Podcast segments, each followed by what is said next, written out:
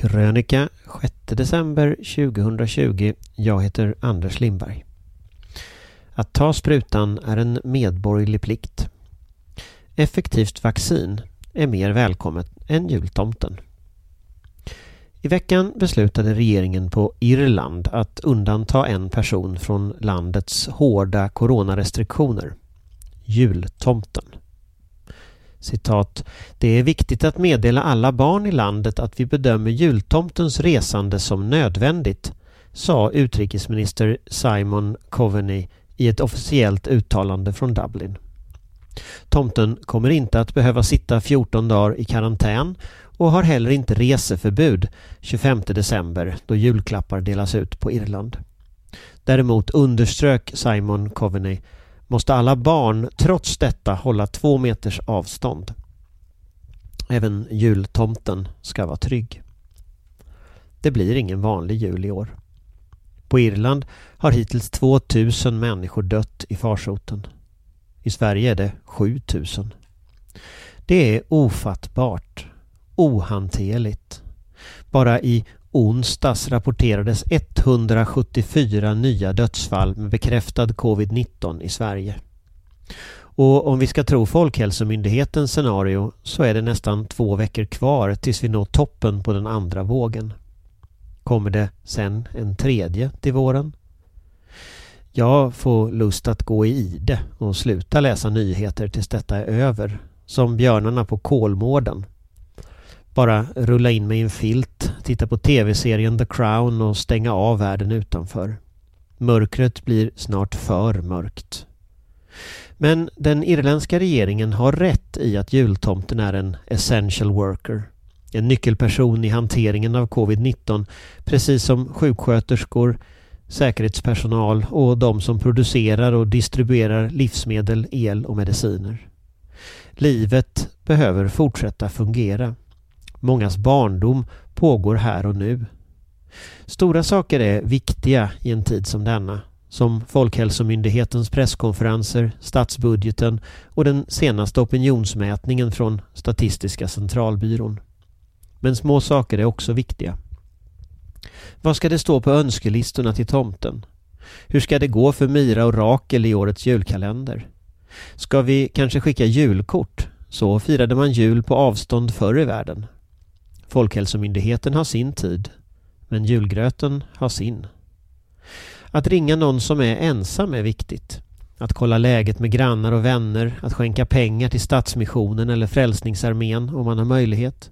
De når långt bortom landsvägen och behoven är oändligt mycket större än vanligt. Citat, en tid för vetenskap och solidaritet, säger Antonio Guterres, FNs generalsekreterare. Det är en ganska bra sammanfattning. Vi har ett ansvar för varandra, för alla människor. Inom de närmaste veckorna inleds mänsklighetens största globala samarbetsprojekt någonsin. Vaccinationen mot viruset SARS-CoV-2. 8 miljarder människor, 193 självständiga stater, flera FN-organ och en uppsjö av internationella organisationer och företag måste samarbeta om detta ska fungera. Vaccin, vaccin är inte magi. Det är beprövad vetenskap som räddat miljontals människoliv och gjort att vi nästan glömt bort tidigare generationers farsoter. Men sättet världens främsta vetenskapsmän och kvinnor samarbetat för att forska fram vaccin mot covid-19 känns ändå magiskt. Att testningen tar tid och måste vara rigorös är självklart. Under svininfluensan 2009 vaccinerades 5,3 miljoner svenskar och omkring 500 drabbades i varierande grad av den ovanliga sjukdomen narkolepsi. Det vill vi helst slippa. I onsdags godkände till slut Storbritannien Pfizer-Biontechs vaccin och börjar som första västland vaccinera nästa vecka. AstraZenecas och Modernas vaccin ligger inte långt efter. Sverige kan sannolikt dra igång massvaccinationskampanjen efter 13-helgen. I fredags meddelade statsministern att vaccin blir gratis för alla. Nu väntar vi bara på EUs godkännande. Citat, Storbritannien har en av de ledande myndigheterna i världen när det handlar om vetenskap och integritet.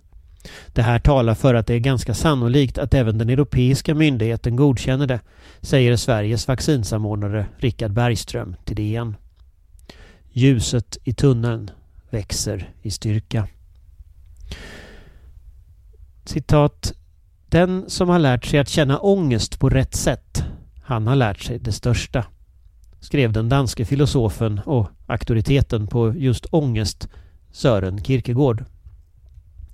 Med vaccin har vi ett verktyg för att omvandla hopplöshet och sorg till handlingskraft. Förutom att tvätta händerna, hålla avstånd och stanna hemma när vi är sjuka kan vi för första gången sedan viruset vände upp och ner på våra liv faktiskt slå tillbaka. Men det bygger på att alla vaccinerar sig. Immunitet mot sjukdomar är en kollektiv insats. En tid för vetenskap och solidaritet. I onsdags sände SVT första avsnittet av Dokument inifrån serie Vaccinkrigarna av Anna Nordbeck och Malin Olofsson. Under ett och ett halvt år har de infiltrerat antivaccinationsrörelsen genom att låtsas vara vaccinkritiska filmare. Resultatet är skrämmande, särskilt nu. Antivaccinationsrörelsen består, framstår som en tunnelplats för diverse konspirationsteorier och pseudovetenskap. Den har även starka drag av nyandlighet. Men den är betydligt mer framgångsrik än man kan tro. Omkring var femte förälder i Sverige är fundersam inför att vaccinera sina barn. Konsekvensen av rörelsens desinformation är att människor riskerar att dö i sjukdomar som vetenskapen redan har botemedel mot. Helt i onödan. Som de flesta konspirationsteorier blandas verkliga och påhittade uppgifter med varandra. Sant är att vaccin kan ha bieffekter. Både vanliga, som lite rodnad på huden, och mer ovanliga. Men sant är också att dagens vaccinationsprogram är både säkra och effektiva och att de räddar liv, både ditt och andras. För första gången sedan detta inleddes kan vi slå en verklig ring kring de allra sköraste. En mänsklig sköld av vaccinerade personer. En mur av ansvar. Men det kommer att bli mörkare innan det vänder. I torsdags stängdes landets gymnasieskolor och eleverna får återigen studera på distans. Sex regioner befinner sig i förstärkningsläge, den näst högsta graden av beredskap och Anders Tegnell varnade i veckan att dödstalen kommer att stiga ännu mer även om själva smittan planar ut. Vaccinet är just nu till och med mer välkommet än jultomten.